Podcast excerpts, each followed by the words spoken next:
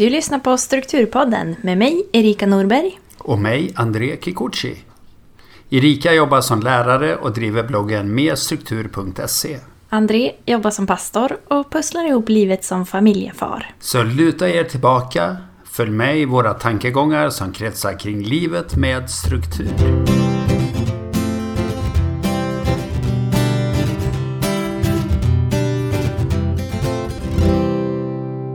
I dagens avsnitt så möter vi och intervjuar vi doktor Katarina Graffman som är född 1969 från Motala från början men flyttat runt i Sverige och bland annat Västerås där Erika just nu sitter.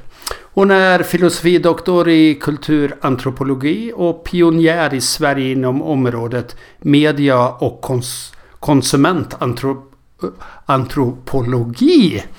Eh, hennes motto är Change where you can. Och hon skriver bland annat i tidningen eh, Resumé och har en podd tillsammans med VLTs chefsredaktör herr Nordström. Och just nu är hon aktuell på SVT och UR med, tillsammans med Robin Paulsson i programmet Prylberget. Och man får ett intryck att hon är en livsnjutare som av god rang. Så välkommen Katarina till oss i Strukturpodden. Tack så mycket. Hur stämmer det här överens? Jag hittar allt på nätet kan jag avslöja. Ja, nätet är ju bra när man vill ta reda på saker och ting. Det jag tyckte var lite spännande var det där livsnjutare. Ja, jag tyckte. Ja, men jag har fått det. Det var det enda jag... Det har du hittat på själv va? Ja, det är det enda jag har hittat på själv faktiskt. För det, du ger ett sånt ganska tillbakalutat... Eh, och det kanske man gör som antropolog, antropolog. Att man liksom betraktar och så... Nu är det mest kaffe i första avsnittet, men... Aprilberget just. Men det känns som du är en betraktare och då tänker jag, då är man lite livsnjutare också va? Är det inte mm. så? Jo, det stämmer bra. Du har fått en rätt eh, känsla av mig tror jag. Jag är nog ganska avslappnad och mer observerande, betraktande mm. Eh, generellt sett eh, i livet. Var det något som inte stämde då? Eh, nej, alltså det var... Du hade fått med en hel del tyckte jag. Ja. Ja. Är det något du vill lägga till om vem du är? Ja, jag eh, har ju eget företag och eh, ingår i en del forskningsprojekt så att jag har en fin mix mellan att jobba på eh, uppdrag och även fortsätta med viss forskning. Eh, så att det tycker jag är en perfekt mix för jag tror inte jag skulle klara av att vara i akademin heltid helt enkelt. Mm. Du fanns ju på mycket föreläsningssidor och där om dig så var det någon som skrev rakt på och rapp i käften. Ja. det var lite roligt. Det är mitt signum. lite kontrast sådär mot kanske det vi har sagt innan. Ja. ja, men det hänger ihop med att jag är nog ganska rak tror jag. Jag ja. håller inte på att hymla. Och lite det som jag håller på med handlar ju faktiskt om att studera hur människor beter sig i sitt vardagsliv. Mm. Och det finns så mycket myter och idéer och förhoppningar och rena eh, falsifarier skulle jag säga om hur människor fungerar. Så det handlar nog ganska mycket om det. Men det kanske vi ska säga något om. Antropolog, det är det att uh, analysera eller att uh, beskriva hur människor bete, beter sig eller? Ja, egentligen är det ju studiet av människan och hennes olika kulturformer, samhällsformer. Så att man studerar ju hur olika samhällsformer ser ut och varför. Och det som antropologin har haft har handlat mycket om att förstå utvecklingen av det mänskliga samhället, hur det hänger ihop. Och Eh, bland annat så är det ju spännande för eh, social struktur, är någonting som antropologer gärna ägnar sig åt att studera och se hur det fungerar och eh, utifrån ett antropologiskt perspektiv så handlar det ju väldigt mycket om och man, teoribildning inom antropologin, att man har tittat på att det är den sociala strukturen som bestämmer hur människor agerar. Mm. Att vi på något sätt är bestämda eh, utav de normer som folk i olika positioner i den här sociala strukturen upprätthåller. Då. Så att det är en teorigren inom antropologin eh, som tittar just på social struktur och hur det påverkar olika samhällen. Då. Och du har hållit på med detta i 15 år, eller? Jag disputerade 2002, det är 20 år sedan. 20 år sedan till och med. I år. Och jag kom in på forskarutbildningen 94 tror jag att det var. Mm. Så att jag har ju hållit på ganska länge med antropologin. Och vad förde dig dit? Det var faktiskt eh, bara en tillfällighet för att jag trodde att jag skulle bli eh, ekonom eller något sånt där trist. Och så tänkte jag att ja, jag börjar läsa det tråkigaste inom ekonomin för då var man tvungen att ha en viss andel poäng i statistik. Så då tänkte jag börja med det så har jag det tråkigaste avklarat. Men det var så tråkigt så jag var tvungen att ta en paus. Och då av en händelse så eh, stötte jag på antropologi och tänkte att jag skulle läsa en termin antropologi. Mm. Men när jag läste antropologi så tredje kursen på eh, grundnivån, A-nivån på antropologin handlade faktiskt om släktskapssystem som Mm. ju också är en sorts strukturer. Och då blev jag helt fast, för, jag, för mig var det en sån fantastisk kurs och en sån fantastisk ögonöppnare för att förstå människor och förstå olika kulturer i världen. Så att sen blev det bara antropologi för mig. Och är det, är det globalt eller utifrån ett svenskt perspektiv? Eller gör man någon sån skillnad? Antropologin är speciell som vetenskap för det är väl eh, en av de få, skulle jag säga, discipliner som har hela världen som fält. Mm. Och det normala är ju att antropologer åker till ja, mer avlägsna kulturer och bor där ett till två år för att lära känna det samhället. Så att jag var, egentligen var det tänkt att jag skulle gjort min, skrivit min avhandling om eh, i Tanzania på ett ställe där. Men så blev det inte så, så att jag har studerat mestadels Sverige, Norden. Mm. Och det blir väl mer och mer vanligt att antropologer stannar hemma, för det kan också vara svårt att komma iväg på samma sätt som det var för ett antal år sedan. kan vara svårt att få tillstånd och, och studera andra kulturer eh, på samma Mm. sätt som det har varit. Så, att, så det är både här och i eh, var som helst egentligen i världen. Och sen kom du in på det här, eh, den här programserien Prylberget då. Vad, vad handlade det programmet om och hur blev du delaktig i det? Det var egentligen så att jag hade en... Det som jag har ägnat väldigt mycket tid åt sista tiden det är att beskriva det samhälle vi lever i idag som jag beskriver som en konsumtionskultur. Mm. Vissa säger konsumtionssamhälle men jag använder det hellre begreppet kultur som är ett starkt antropologiskt begrepp. Och det är ju en beskrivning av det samhällssystem vi lever i kan man säga. Och om vi inte förstår, så igen så skulle man kunna jämföra kultur med struktur. Mm. Att om vi inte förstår samhället vi lever i och varför, hur det påverkar oss som enskilda aktörer, Mm. så är det ju svårt att gå på enskilda aktörers sätt att bete sig och leva i sina vardagliga liv. Så att det började väl med boken som kom 2018 som jag skrev med mm, Jakob Östberg som är professor i reklam och PR. Så skrev vi boken Vi är vad vi köper.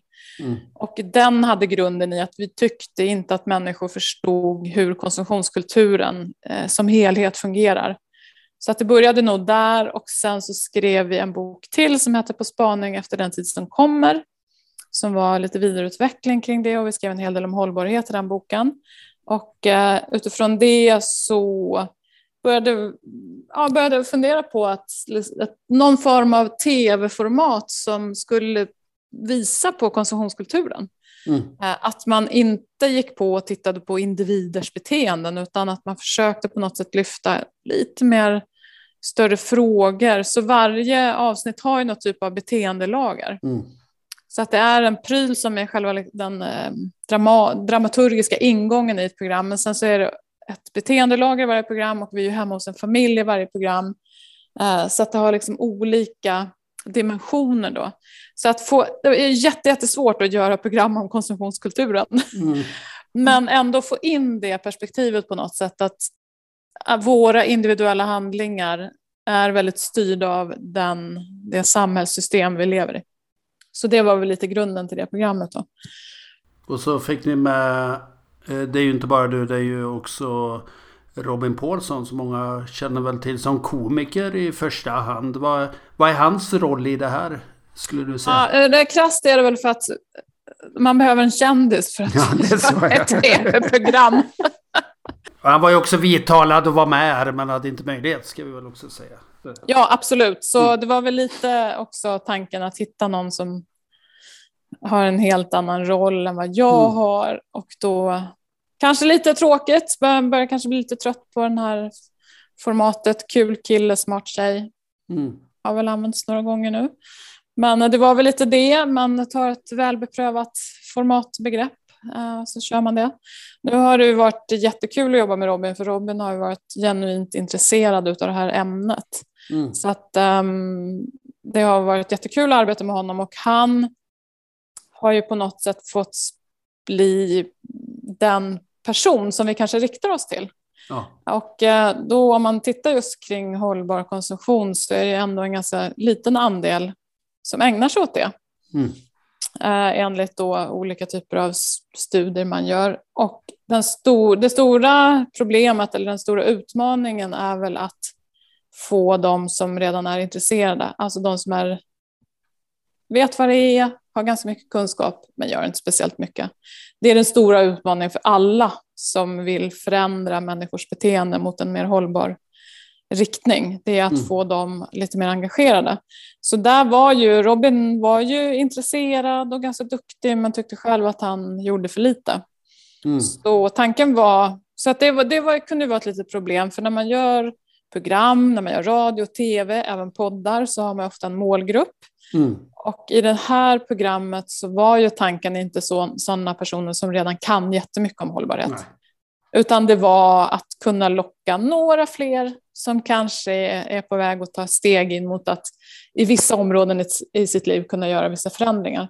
Mm. Och jag har ju fått responsen från en hel del människor runt omkring mig som faktiskt har sagt att nu äntligen har jag börjat källsortera. Ja. Eller nu har jag förstått eh, hur enormt stor andel matsvinn eh, mm. vi ägnar oss åt. Eh, så att liksom, jag har ändå fått respons att, att ja, men det är nog några ändå som har börjat tänka till lite till. Och tanken var just att det inte skulle vara ett pekpinneprogram, för det är så lätt att det blir det när man pratar om Precis. hållbar konsumtion. Att det bara handlar om att det är så, vi är så dåliga och fy dig som inte är duktigare på det och det. Och det är ju inte ett bra sätt att få människor att ändra beteende, utan det skulle ju vara lite mer lustfyllt. Och, mm. Så det tror jag ändå att vi har lyckats med utan att det blir flamsigt. För det är mm. det som man inte heller vill, eh, att det blir flamsigt. Liksom. Har du eh, hört någonting om de familjer eller Robin själv som var med i det här? Om, det, om man har fortsatt leva efter...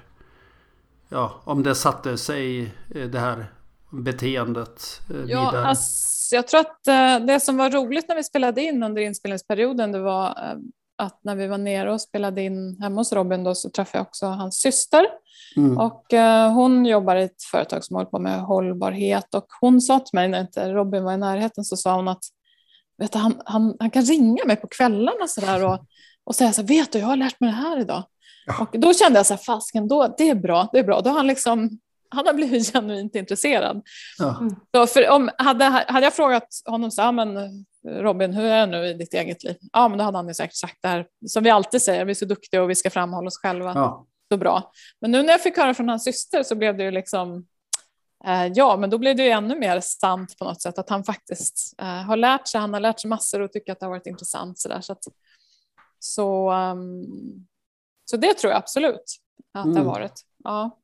Och är du utsatt som tv-familj för att en antropolog kommer hem med ett helt tv-team, då, då, liksom, då känner man pressen.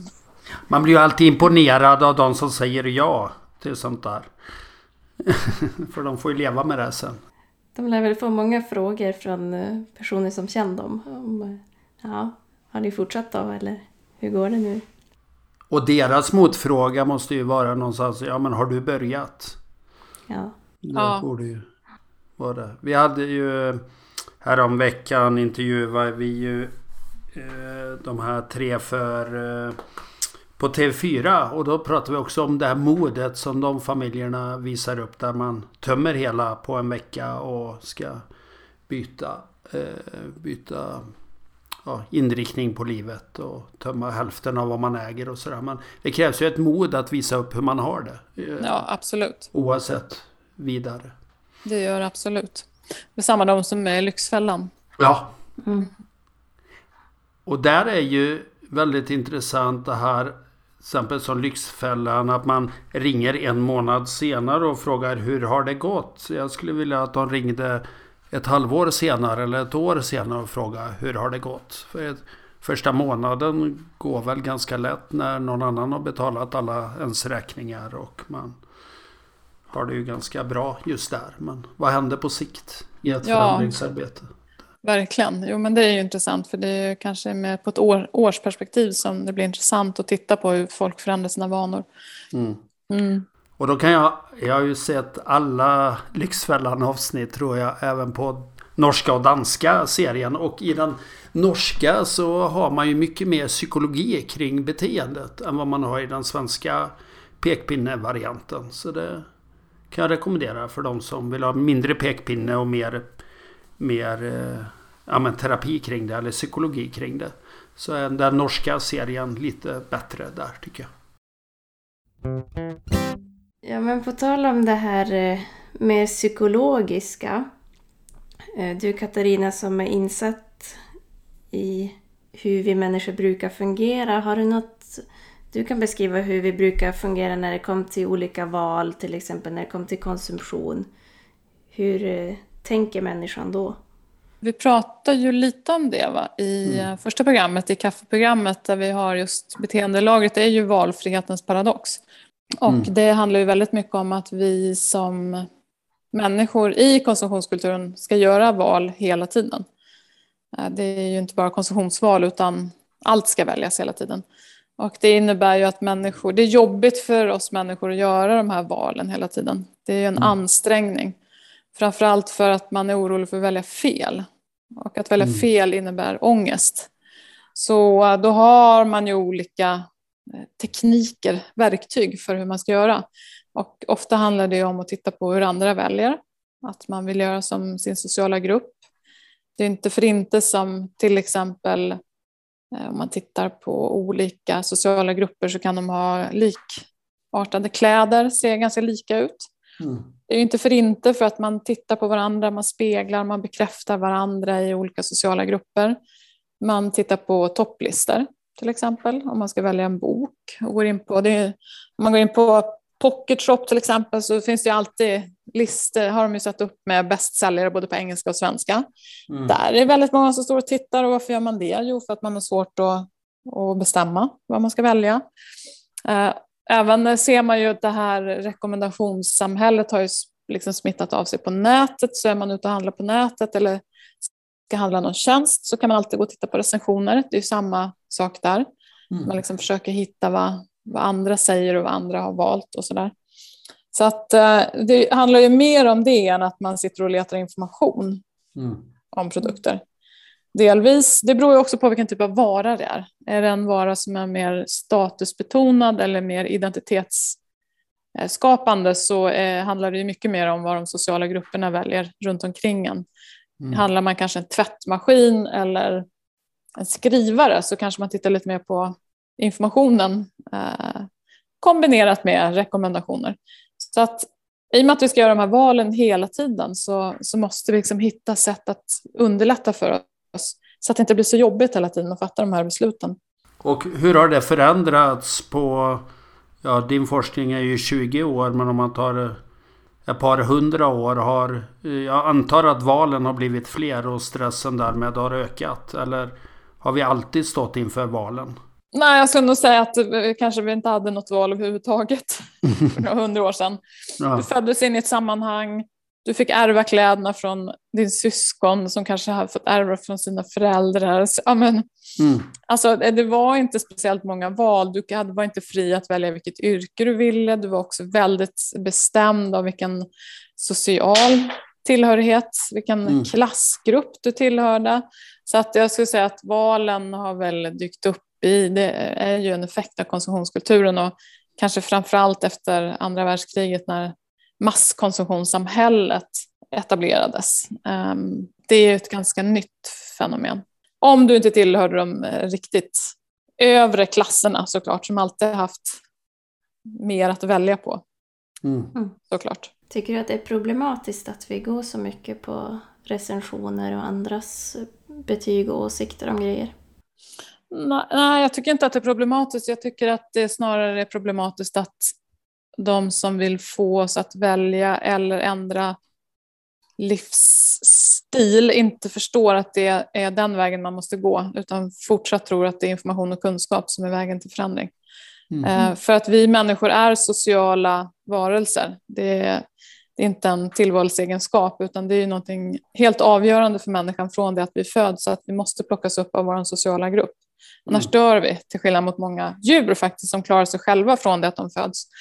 Eh, så att jag tycker nog snarare att man ska omfamna att det är så eh, det är. Och om man tittar till exempel på den här gruppen som jag pratade om tidigare, den här stora gruppen som inte gör speciellt mycket.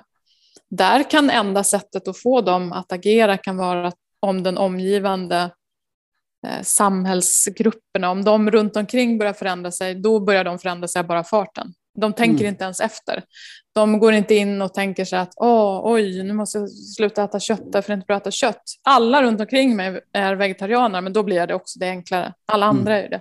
Mm. Så jag tror snarare att det är tvärtom, att vi ska omfamna faktumet att vi är sociala varelser. Vi är inte de där individualisterna vi så väldigt, väldigt gärna vill tro att vi är. Är vi unika i Sverige på det? Ibland tittar man ju på den här kartan och så är vi om beteende och mönster och så är vi längst upp i ett hörn. Men är, är det ganska likt i ett globalt perspektiv kring de här valen? Alltså jag skulle säga att det beror ju helt på vilken, vilket samhälle du växer upp i. Och mm. i om, det jag berättade lite grann om släktskapssystem som jag blev helt eh, hooked på när jag läste mm. antropologin. Mm. Det handlar ju väldigt mycket om i kulturer där du har ett starkt släktskapssystem fortfarande så föds du in i en släktstruktur. Vi har ju inte det i Norden, det är därför de nordiska länderna ligger ganska högt upp och vi har också i Sverige har vi den här statsindividualismen mm. med att man inte ska behöva vara beroende av någon i sin familj. Alla ska kunna plugga, alla ska kunna ha sina barn på dagis mm. och så vidare. Vi har ju skapat ett system där vi har frigjort människan. Och, eh, men det har ju sina andra sidor då, för att om man tittar på det här eh, som du pratar om, det är den här World Value Map. Ja. Eh, så är det så att i de kulturer som ligger uppe i det högra hörnet längst upp så är det ju snarare så att gruppen blir ännu viktigare för att vi är så fria när vi föds och ska skapa vår egen identitet. Och det är inte så vi skapar identitet, för vi skapar vår identitet i sam, samklang med andra människor. Som jag mm. sa, man speglar sig hela tiden i olika grupper. Är jag okej okay så här? Får jag vara en del av gruppen? Så mm. att det blir snarare tvärtom i de här nordiska länderna, att gruppen kan nästan ha ännu starkare betydelse. Och de grupperna vi väljer, väljer vi själv. De är mm. inte liksom valda av att du föds in i ett speciellt sammanhang, utan när man väljer sin grupp själv. Och det kan man ju till exempel enkelt kan man ju illustrera det med unga människor som går snabbt kan de ju skifta från att vara skejtare till att bli punkare till att bli emo. Alltså man mm. skiftar ju hela tiden. Eh, och det är ju ett sätt att jobba fram sin identitet. Mm. Och de här egenvalda grupperna är ofta starkare, för du har valt dem själv. Mm. Så att uh, gruppen är jätteviktig för hur vi, hur vi blir till som människor. Vad intressant, jag har inte tänkt på den där skillnaden riktigt. Att, uh, att vi väljer våra egna Eh, grupper så mycket mer här. Men det, det känns ju helt rätt när du beskriver det så. Jag jobbar på en skola där det är väldigt många elever från Mellanöstern. Och så har vi några enstaka elever med svensk bakgrund. Och jag hörde häromdagen att de ja, pratade med, med en av de svenska eleverna. Men hur kunde du sätta din kompis före din bror i den här situationen? Att det är klart att familjen alltid går först. Och och jag som, som är uppväxt i det svenska, jag, jag förstår ju henne att ja, men, där kanske vännerna i, i vissa fall är, är viktigare än familjen. Eh, men det, det är intressant att tänka att, eh, att det absolut inte är en självklarhet i resten av världen. Nej, och det var det som jag tyckte var så spännande med den där. Det är sån otroligt grundläggande Eh, sätt att se på olika samhällen som gör att man förstår andra samhällen på ett eh, liksom, djupare plan som, är, som bygger på någon sorts struktur igen. Alltså, vad är det som har byggt samhället? Varför är vissa saker viktigare i vissa samhällen än i andra samhällen? Eh, så att det är ju väldigt grundläggande för att förstå varför ett samhälle blir som det blir när man tittar på okay, hur ser de på släkten och hur, vilken position har en person i sin släkt? För i de här starka släktskapssystemen så har individen bara en position i släkten medan i, vårat, i vår del av världen så brukar man prata om att man har en egocentrerat släktskapssystem. Det betyder att min släkt ser inte likadan ut som min brors släkt. Alltså att mm. allting utgår från mig som individ och vi har alla olika släktskapssystem.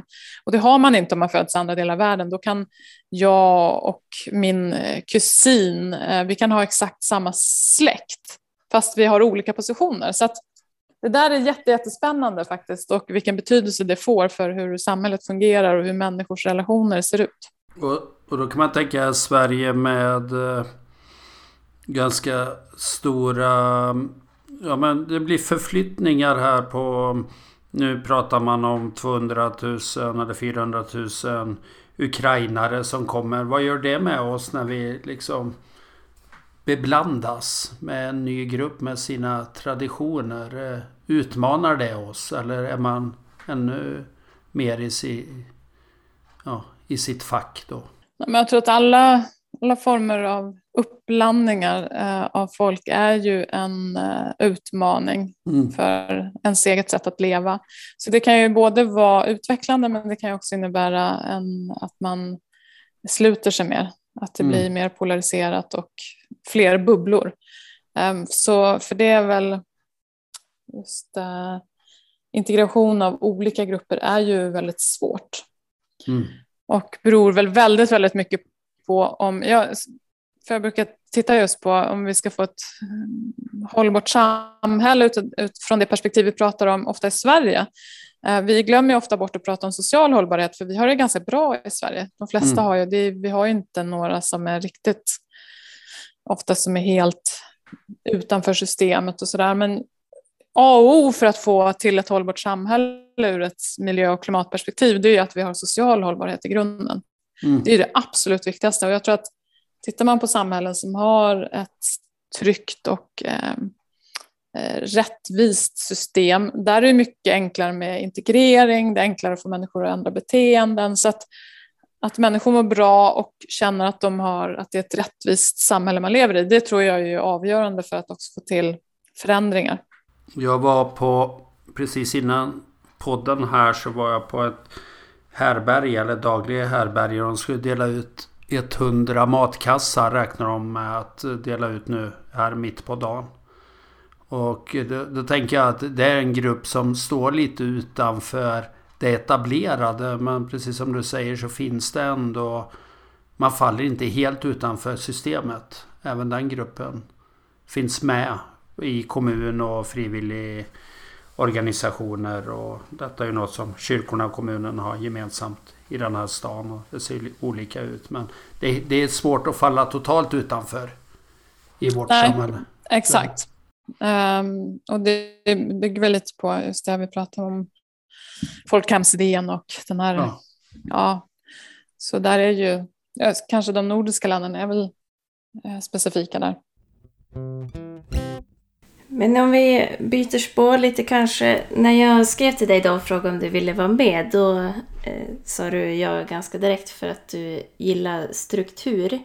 Och vi brukar ju fråga våra gäster då, vad har du för relation till struktur?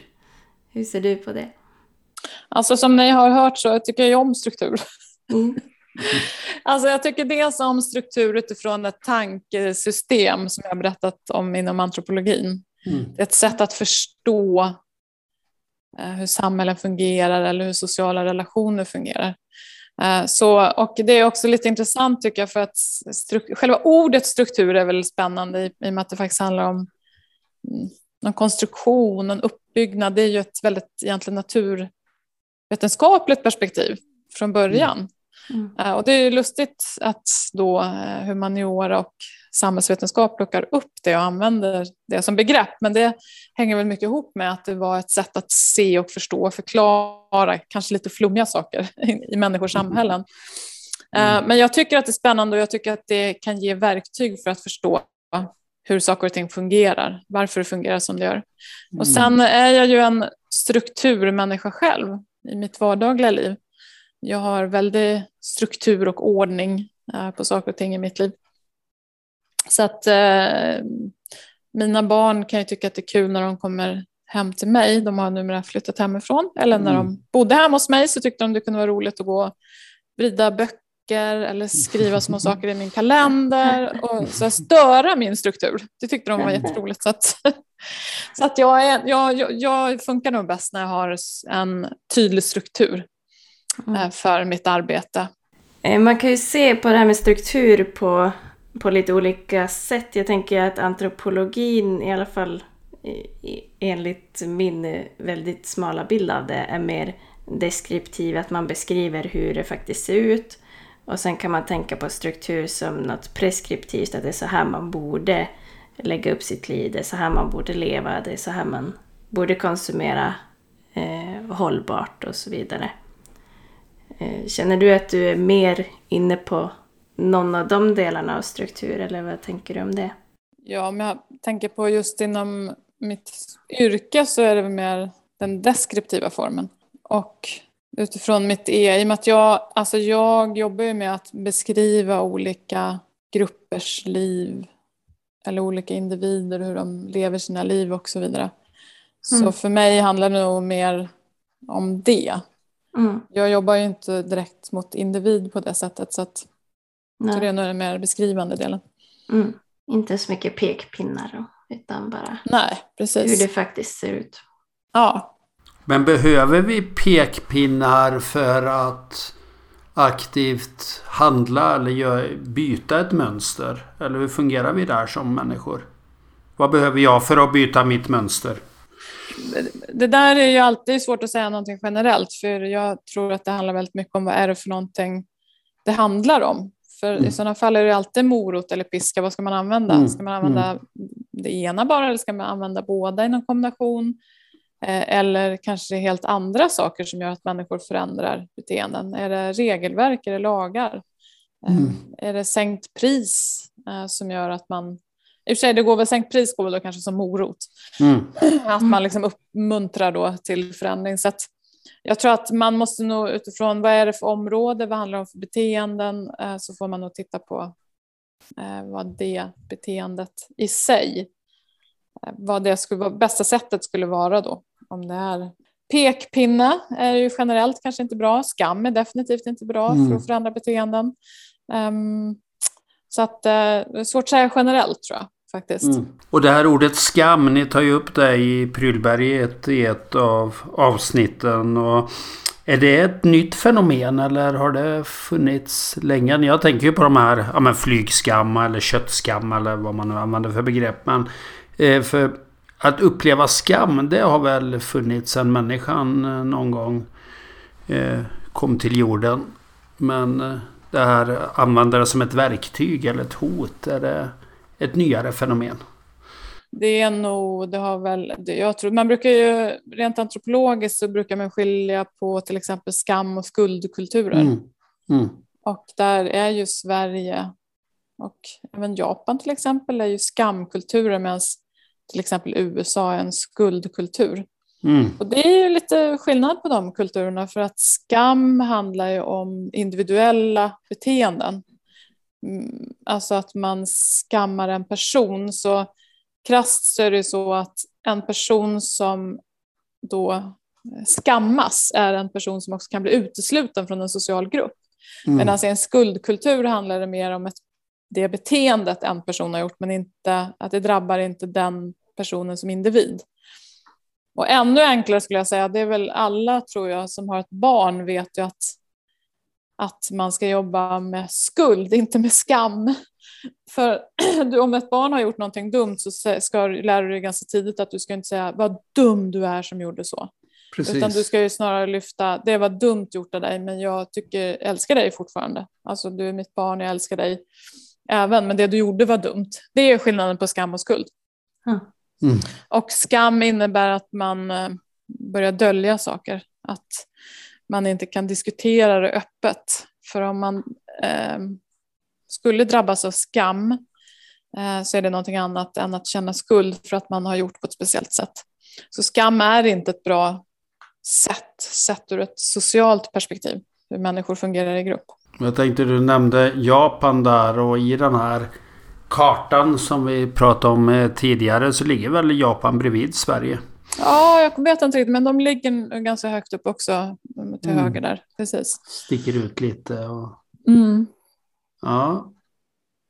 ja. Det är spännande hur vi fungerar. Eller just att man tänker att ja, men, så här är vi i Sverige. Att det är så unikt. Och sen är det på ett sätt inte så hemskt unikt. Men det är i den värld vi lever i. Eller i den kontext, sammanhang som vi finns med i. Så blir det våra val efter.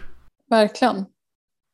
Men det är det också som jag tycker var, har varit spännande med antropologin. För att eh, jag berättade om att det är en någon sorts global vetenskap. Mm. Och det som är så spännande med antropologin det är att vi kan lyfta våra beteenden som vi kanske har här och spegla mot andra kulturer. Mm. Så här gör de i den här delen av världen när det kommer till det här beteendet eller så här ser de på, på eh, gender till exempel i den här kulturen och så får mm. vi en mm. spegel till vår, vår egen kultur och det ökar ju verkligen kunskapen om varför vår kultur ser ut som den gör. Så det tycker jag är det, det är lite fina med antropologin faktiskt, att man har det här tvärkulturella perspektivet som innebär att man jämför kulturer världen mm. över. Mm.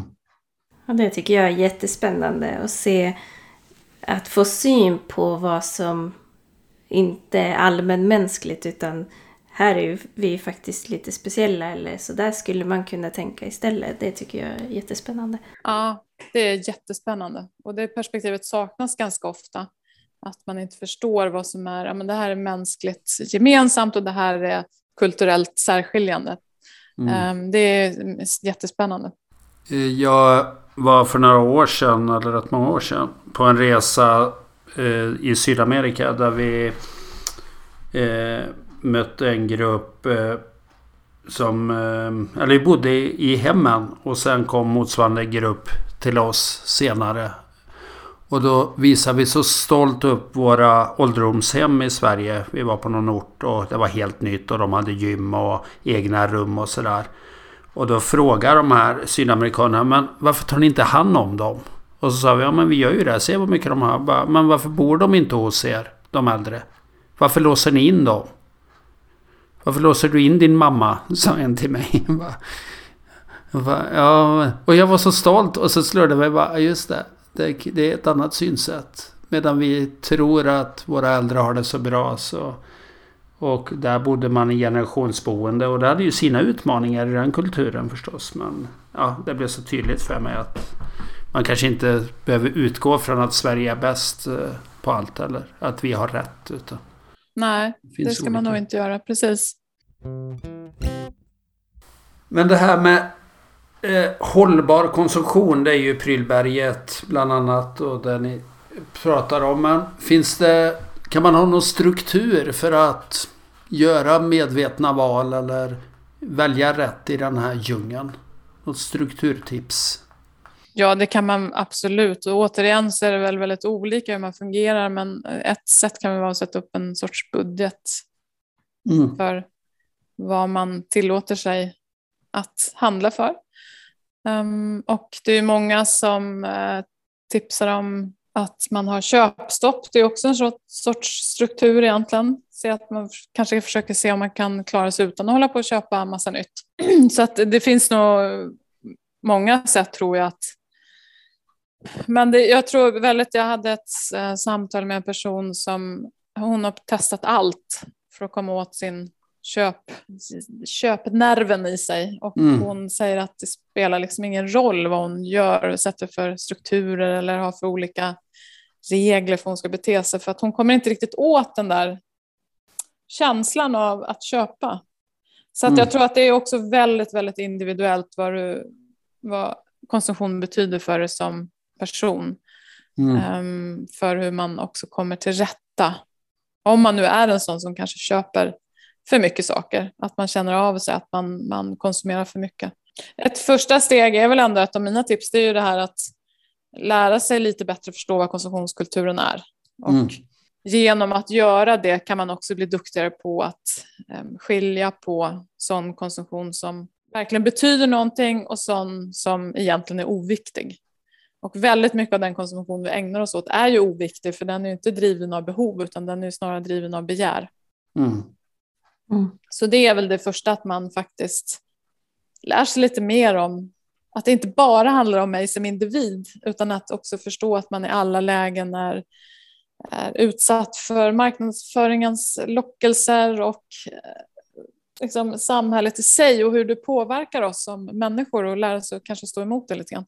Mm. Och sen ett annat tips är väl just det där att vänta lite. Att om man mm. väntar lite så, så stillas ju ofta begäret och man börjar fundera på behöver jag verkligen det här och är det verkligen nödvändigt? Så det kan ju vara två sådana enkla saker egentligen som man kan göra. Mm. Mm.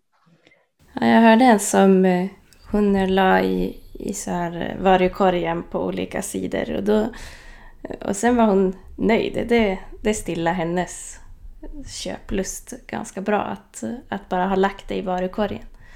Och sen blev det aldrig att hon handlade de där grejerna men hon, hon fick ändå titta och, och hitta grejer och, och sen var hon nöjd. Så för en del funkar det kanske med att och det är ju en del av det att vänta också. Exakt, och det finns andra som säger bara genom att lä lägga i varukorgen gör ju att även fast många fortsätter att köpa så kanske de inte köper lika mycket eller väljer bort saker. Men det ju, har ju samma funktion att du får kanske ett dygns betänketid. Mm. Um, men sen hade jag en jätteintressant diskussion med en person som sa att det är inte så lätt om jag går till en vintagebutik och vill köpa second hand-kläder för då kanske jag inte kan vänta om jag hittar något mm. riktigt coolt. Uh, för då kan ju det vara försvunnet. Alltså det är inte samma sak uh, som kanske att köpa någonting nytt där man vet att okay, det finns hundra plagg av samma sort. Mm. Uh, så att det är inte helt lätt. Alla de här liksom, råden och reglerna är ju inte helt lätt att upprätthålla i olika sammanhang. Mm. Så, um, ett sätt kan väl vara kanske om man får möjlighet att hänga undan ett plagg. Mm. För det kan man ju även få göra ibland på vintage, att man kan få hänga undan, för då kan man ju fundera lite grann. Mm. Så att, men det är väldigt bra, det är ett väldigt bra sätt att och, eh, låta det smälta och låta det landa lite grann innan man faktiskt genomför köpet. Mm. När jag har suttit i olika valberedningar så har jag sagt du får inte svara nu, du får svara om tidigast 24 timmar. Även om, även om jag i den rollen vill att de säger ja, annars skulle jag inte ringt. Men att hålla lite på sig själv, att inte övertala personen att gå in i ett uppdrag som den sen inte klarar av att hålla eller har dåligt samvete för eller något. Och 24. Och då får man väldigt bra svar, både ja och nej. Men det där nejet är inte bara luststyrt utan eh, styrt utifrån ja, men andra uppdrag eller familj eller vad man nu står inför. Det är ju jättebra. Eh, en lyssnarfråga jag fick när vi sa att ni skulle vara med eller att du skulle vara med. Det var hur man håller på sikt. Alltså när, när så många val är så luststyrda. Eh, för det är de ju. Kanske mer lust än behov många gånger när vi har ett beteende. Hur, hur får man det att hålla på sikt? Har du något tips där utifrån hur vi fungerar som människor? Det kan ju vara att ändra ett beteende. Men... Mm. Jag tror det är väl lite samma som med träning egentligen. Eh, man mm. ska nog inte gå ut för hårt. Mm. tror jag man ska börja med små, små steg eh, och etablera varje steg för sig och känna att det blir mer av en vana. Det är inget man funderar så mycket kring. Så att jag tror inte man ska gå ut för hårt. För det är väl det som, jag tänker just så här, nyårslöften brukar ju ofta falla på det att människor går ut så hårt och säger att du ska börja träna varje dag eller mm. Eh, jag ska sluta röka eller jag ska sluta dricka helt och så vidare. Att du liksom istället för att nej men jag ska börja med att ta en halvtimmes promenad två gånger i veckan. Mm. Att man liksom börjar successivt att förändra en vana. Eh, det tror jag är bästa sättet att också att kunna hålla den vanan över tid och kanske göra vanan större och större. Att man liksom gör fler och fler saker. Mm. Mm. Så um, det kan ju till exempel vara hur man sorterar sitt skräp. Att man, om man känner att man är dålig på det, att man börjar, men nu ska jag ändå lägga plasten åt sidan eller någonting. Mm. Eller det där att man kanske om man nu är en shopaholic att man bestämmer att en dag i månaden får jag gå ut. Mm. Liksom. Och då kanske att man har satt en budget och sådär. Och så ja, att man successivt börjar ändra sina beteenden. Men det är ju väldigt svårt. Det svåra med att ändra beteenden är att om inte samhället eller sammanhanget runt omkring ändrar så är det ju svårt att ändra beteenden. Mm. För om alla runt omkring ändrar sig då är det ju väldigt lätt att ändra sina beteenden. Mm. Behöver man någon som går vid en sida och hjälper en? Några behöver nog det. Jag tror inte mm. alla behöver det. Men några, jag tänker att om man är ett par och båda bestämmer sig för att göra samma förändringar, då stöttar man ju och supportar varandra. Eller en mm. familj eller om man har någon kompis som man kanske börjar träna med.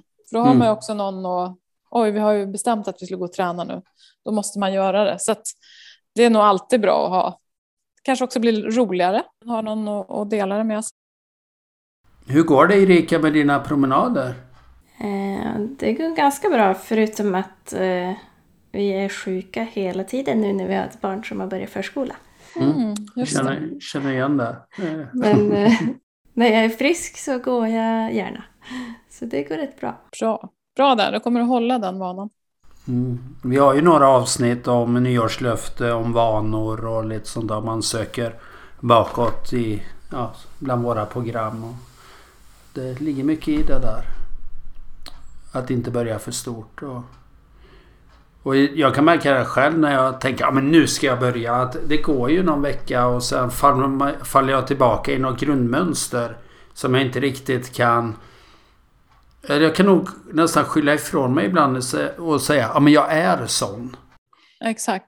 Och det är både bra och dåligt. Vi är väldigt duktiga vi människor på att hitta ursäkter och anledningar ja. till att vi inte förändrar oss.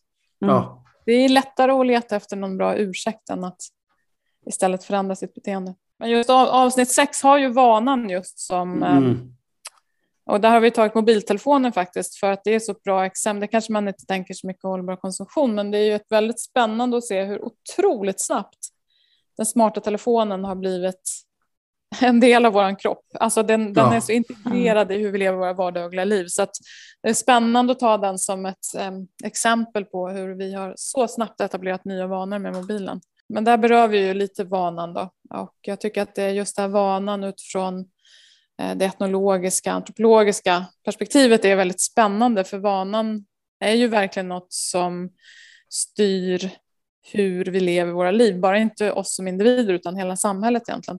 För att det också ska fungera. För att utan vanor så skulle det vara väldigt svårt att leva. Om vi inte mm. hade några vanor överhuvudtaget. Så, att, så man ska inte vara för hård där mot sig själv heller. Utan förstå att det är väldigt seg föränderligt att förändra vanor i vardagslivet.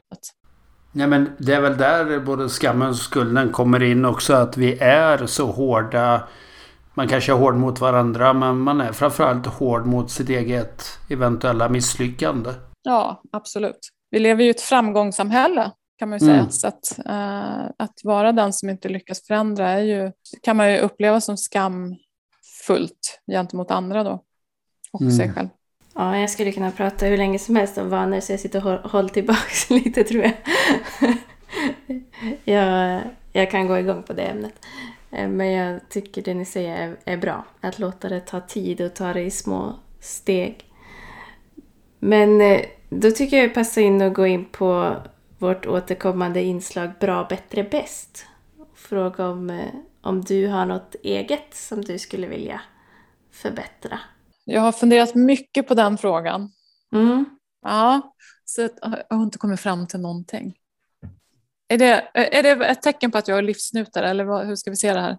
Ja, men det kan det vara. Betraktare, ja. du kanske, du kanske har det bra som det är.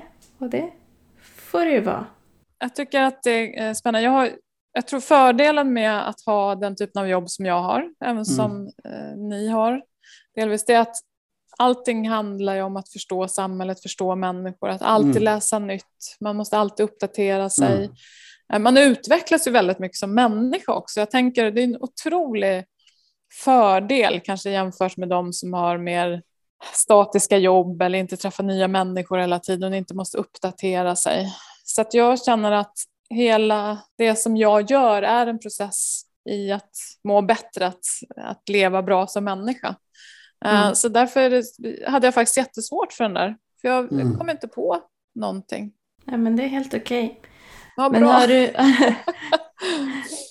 Finns det något man kan lära sig då från det att du tar in så mycket och har den här ständiga utvecklingen? Finns det något i det som andra kan lära sig av, tror du? Ja, i så fall kanske var, uh, var, öpp, var öppen, var nyfiken. Um, Mm. Fortsätt att lära. Um, se lärande som, som... Det är ju en process i att vara, vara och bli människa i det samhälle vi lever i. Jag tycker till exempel folkbildning, som det här, Prylberget är ju ett, faktiskt ett folkbildande program och det Mm. är ju också Utbildningsradion som har gjort det. Det ligger på Utbildningsradion och jag vet redan att man har plockat upp programmet i skolor för att jobba kring hållbar konsumtion. Och folkbildning är väl ändå det finaste som finns, tycker jag. Um, så att just det där att man är nyfiken och fortsätter att lära, eh, det tror jag är jätte, jätteviktigt. För samhället som helhet och för att också motverka polarisering och filterbubblor. Jag tror att det är jätte, jätteviktigt. Mm. Och jag sitter ju här nu på mitt kontor och vägg i vägg så finns det en kör en trappa upp och eh, bredvid här finns det en Senioruniversitetet har en engelsk eh, konversationskurs. Jaha. Och det är jättespännande vilka möten som görs. Och jag frågar någon vad pratar ni om? Bara, ja, vi pratar om kriget nu för det är ju aktuellt. Det tittar alla på. Men vi pratar på engelska. Ja. Och så tränar vi på det. Och så möts man och så fikar man ihop. Och, jag tänker, och det, det är ju många i 80-årsåldern där. Att man inte... Ja, man, man ger inte upp för att man inte lärde sig engelska i skolan. Eller vad det nu är. Nej, ja, det är jätte, jätteviktigt. Det finns på så många nivåer att sluta... Att inte sluta ta in eller titta på nyheter eller läsa böcker eller tidningar och hela tiden. Man behöver kanske inte vara hela tiden vara uppdaterad för då kanske man inte räcker till. Men eh, någonting varje dag. Eller varje Absolut, vecka. det tror jag också. För man ska inte känna kravet, för det är omöjligt att uppdatera sig Ja. i samtiden. För det, det går ju inte, men att man kanske har någonting som man gör varje dag eller läser någon roman eller ja, det behöver ju inte, det kan ju verkligen vara lustfyllt så att det tror jag är jätteviktigt. Och eh, då kommer vi lite in på det här som vi också har i de flesta avsnitt. Något prova på som man kan prova den närmsta veckan eller närmsta tiden. Och då undrar vi, har du något prova på till våra lyssnare? Ja, jag tycker att det är roligt det där med kläder ändå. Ja. För kläder är så otroligt tätt sammankopplat med vem vi vill vara eller vem vi försöker vara. Och det som i avsnitt två då, som handlade Mm. om kläder där den familjen får som utmaning att de ska på sig samma kläder en vecka. Och det har ju ingenting med så det var svårt att få de som skulle producera och förstå att det har ju inget med att man behöver tvätta mindre, att det skulle vara det hållbara i det, utan det är ju att utmana sig själv Mm. att eh, känna, kan jag ha på mig samma kläder? Om Ja. jag nu har kläder som jag verkligen tycker om, som jag tycker är jättesköna, som jag tycker är jättefina, varför kan jag inte ha på mig dem flera dagar? Mm. Det, låter, det låter så enkelt, men det är inte så enkelt. Och jag vet, du jobbar i skolan också och ser barn och unga. ehm, för det är också till exempel den här diskussionen med skoluniform Mm. Mm. skulle kunna vara väldigt bra och avslappnande för många unga för att då såg Mm. alla likadana ut varje dag i skolan. Det var inte uttrycket med kläderna som blev viktigt på det sättet. Sen självklart att de individualiserar sin uniform men det, det, det släpper ändå lite den här att man hela tiden ska uttrycka sin identitet med kläder. Mm. Och det var ju något, man gjorde något eh, forsknings ehm, försök tror jag, i Australien där man lät nyhetsankare ha på sig samma kläder. Och männen kunde sitta i samma kläder ganska många dagar utan att någon reagerade. Men om kvinnan hade på sig samma kläder två dagar på raken så blev de nerringda utav Mm. tittare.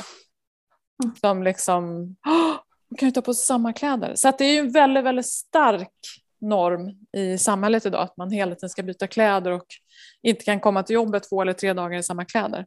Så det tycker jag är en, jätte, det är en jättespännande utmaning för sig själv och jag brukar ha kört den, eller jag kör den ofta nu för att jag struntar i det. Mm. Men det är spännande också om man väljer att kanske på sommaren på alla så här till om det är så konfirmation, det är kanske student, det är midsommar. Att, ja, men har man någon klänning eller någonting man tycker om, ha den varje gång då. Mm. Bara för att mm. testa också och se, är det någon som ens överhuvudtaget reflekterar? För ofta sitter det i ens eget huvud, att man tror att mm. man ska göra det.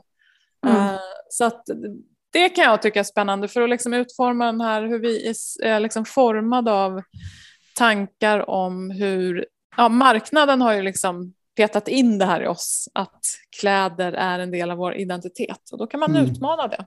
Så det tycker jag är en sån här sak som, som också kan leda till att, att man faktiskt kan använda de kläder man har istället för att hela tiden köpa nytt.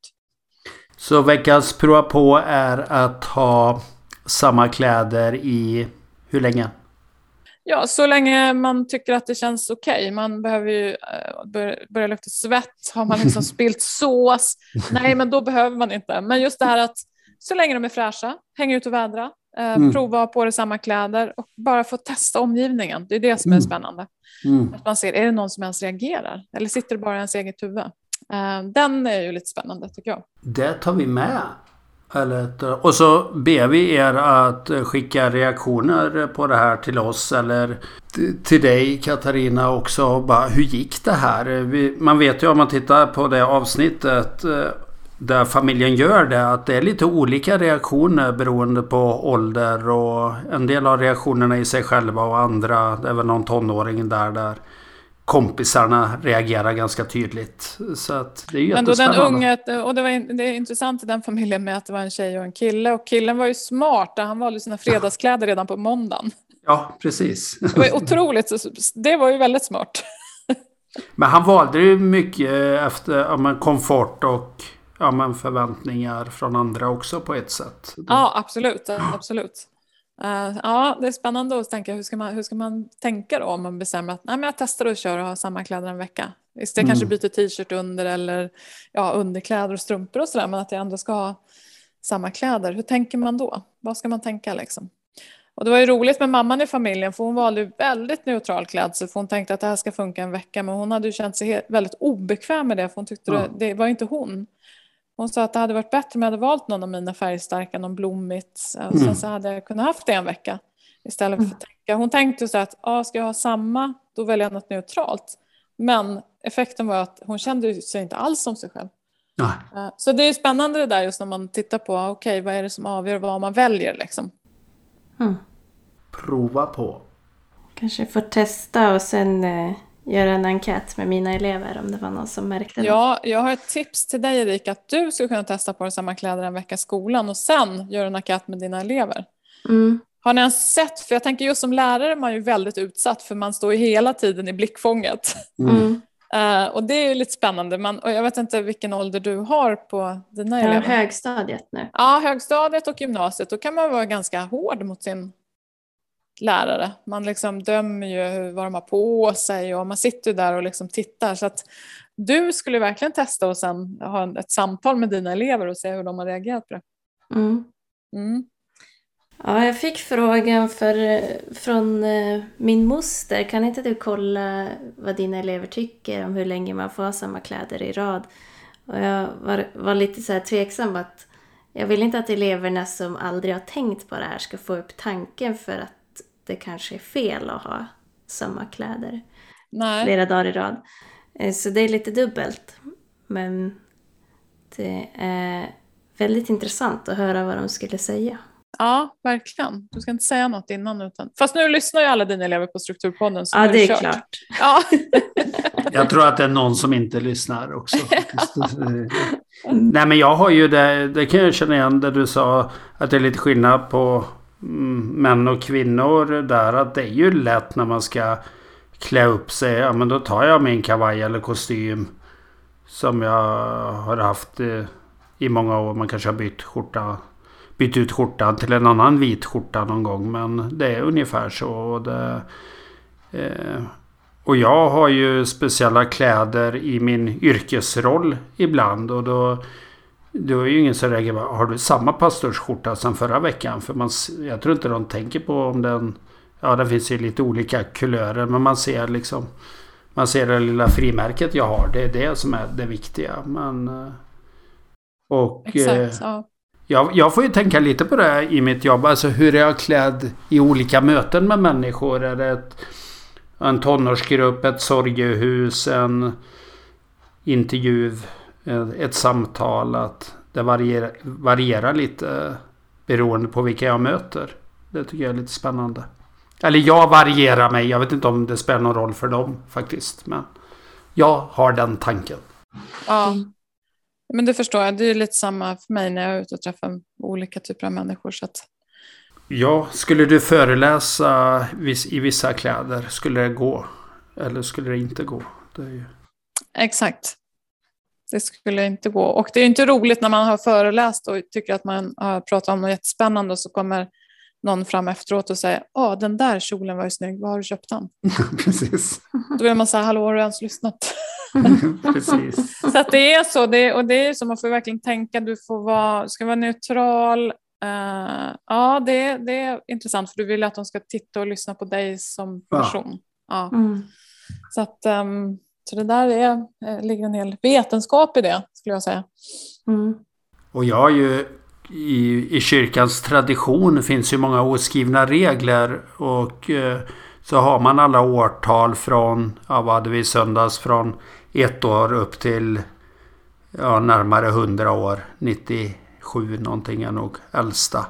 Och en del är ju, har ju det finaste man kan ha på en gudstjänst och andra har sina helt vanliga kläder. Och det är så Ja, det är, så, olika. Ja, det är väldigt olika, precis. Det är det ju. Och likadant går du på en fest idag. Alla, det finns alla möjliga kläder. De här klädkoderna. Men på ett sätt, ja men du får klädd som du vill och ändå får man inte det riktigt. Nej. Nej, det får man inte. Nej. Det... Nej ni, ska, ni får ha ett program bara om klädkoder på olika fester. Vad betyder det ja. och vad händer när man bryter? Till exempel var ju, det, det var ju på Nobelfesten här om året när eh, då var det ju inte alla män som hade eh, den här eh, klädseln man ska ha eh, pingvindräkten utan det fanns lite andra högtidskläder och, och det var okej okay om det var en högtidsdräkt i det landet. Det var ju en, en japan som hade en helt annan dräkt till exempel. Men, så det fanns vissa, man kunde gå även på Nobelfesten lite utanför klädkoden. Mm, det är bra, det är trevligt ändå. Det tycker vi om. Jag har sett en, en del sådana här eh, det här förvånar mig när jag flyttar till Sverige-videor från, eh, från folk som kommer från andra länder. Då. Och eh, det är många där som har reagerat på att om de har klänning på, på jobbet i Sverige då får de massa kommentarer. Oj, vad du var uppklädd. Det kanske beror på vilken arbetsplats man har men jag tror att, eh, att det är ganska många. Jag, jag känner igen mig i det i alla fall. Att det skulle kännas lite konstigt att ha klänning varje dag sådär. Mm. Det är nog väldigt stor skillnad. Norden mot södra Europa också. Mm. mm. Hur man klär sig. Mm. Ja, och det här när jag rest i olika familjer på många olika delar av världen så upplever man ju alltid hur fattig man än är så är man väldigt Ja, men man, har, man är ren och man har rena kläder. Jag upplever att många har renare kläder än vad man har i Sverige. Ja, det, och, precis. Vad det är som det gör det. Liksom. Och barnen, man kan leva med stampad jordgolv och knappt ha vatten. Men kläderna är färgglada och rena och när det är fest så är det vackert. Liksom. Blir det ett program till om det här? Mm. Men det blir det. Ja. vi, vi, ringer om ett år och säger nu ja. har vi tänkt det här. Oh, Kanske en nej. annan avdelning på universitetet också där eh, som kan kopplas in med. Ja. Nej, men vi får kanske börja avrunda. Lite tips har vi ju fått om att man kan eh, sätta upp lite budget eller kanske ha köpstopp på nya grejer. Lära sig mer om eh, konsumtionskulturen, att man kanske är driven av begär snarare än behov och utsätts för en massa marknadsföring. Att man kan eh, vänta lite istället för att köpa direkt och se om, ja, ska jag verkligen köpa det där? Och ska man börja en ny vana så är det bra med små steg till att börja med. Att man ska vara öppen och nyfiken och fortsätta lära sig. Och så utmaningen då som vi spårar ur på här ett tag. Att eh, ha samma kläder fler dagar i rad än man brukar ha. Har vi något mer att tillägga där? Jag tyckte det var jättemånga bra tips. Mm. Mm. Men ett tips var ju där att lära sig mer om konsumtionskulturen och då kanske man ska följa dig lite mer då, Katarina. Eh, Och hur gör man om man vill veta mer om det du gör? Eh, eh, Om man är genuint intresserad av konsumtionskulturen är ett tips att läsa Vi är vad vi köper. Mm. Mm. För den är ju väldigt enkel och en enkel beskrivning av vad är det för tid vi lever i och hur fungerar det egentligen. Eh, Så att om man är intresserad så tycker jag absolut att man ska titta på den boken, låna på biblioteket eller något. Eh, Och sen så finns jag ju med i en del poddar som man söker på mig. Ehm, Så är jag ju med och pratar just hållbar konsumtion i flera olika sammanhang. Och framförallt titta på Prylberget. Mm. Det Mm. ligger kvar på SVT Play fram till sista augusti men det ligger på UR Play flera år framåt. Ja, du finns på, eh, vad heter man kan följa dig här ser jag också på Instagram bland annat. Där du lägger ut lite av varje. Där du är med och skriver eller och länkar vidare. Så att säga. Ja, exakt. Är det något mer du vill tillägga nu när du har hela Sverige som lyssnare? Eller du kanske brukar ha fler som lyssnar i andra sammanhang. Men är det något mer du vill tillägga? Kanske mer poängterat att inte lägga så mycket tyngd på sig själv som individ. Eh, Mm. För det, det absolut, om man nu vill leva i ett samhälle som är mer hållbart, är ju också att eh, organisera sig, att bli medlem i olika föreningar, ta reda på vilket parti man ska rösta på. Alltså att lyfta frågan från sig själv. Hur kan man förändra samhället? Hur kan det förändras för alla? Det är det viktigaste vi kan göra egentligen, det är ju att engagera oss ehm, Mm. Högre upp. Att inte bara fastna i... För det blir lätt den där skamkänslan och att jag gör inte tillräckligt och Mm. sådär. Så, att, så det är väl det som jag vill poängtera. Ja, men då får vi tacka dig som har lyssnat. Och om du gillar eh, Strukturpodden så kan du gärna tipsa någon annan om att lyssna. Eh, Och om du har någon fråga till oss eller till Katarina så kan du gärna skicka till hejsnabola.strukturpodden.se eller använda kontaktformuläret på vår hemsida strukturpodden.se. Och eh, gärna gå med i vår Facebookgrupp som också heter Strukturpodden. Då kan vi diskutera lite vad som har kommit upp i avsnitten och ibland skickar vi ut lite frågor i förväg om vi ska ha någon gäst så här. Och självklart störst tack till dig Katarina som ställde upp på att vara med. Tack så mycket för att jag fick vara med. Bra, och eh, har du tips på något mer programtema vi ska ta upp så hör gärna av dig om det. Det är alltid intressant att få nya infallsvinklar. Tack och hej! Hej då!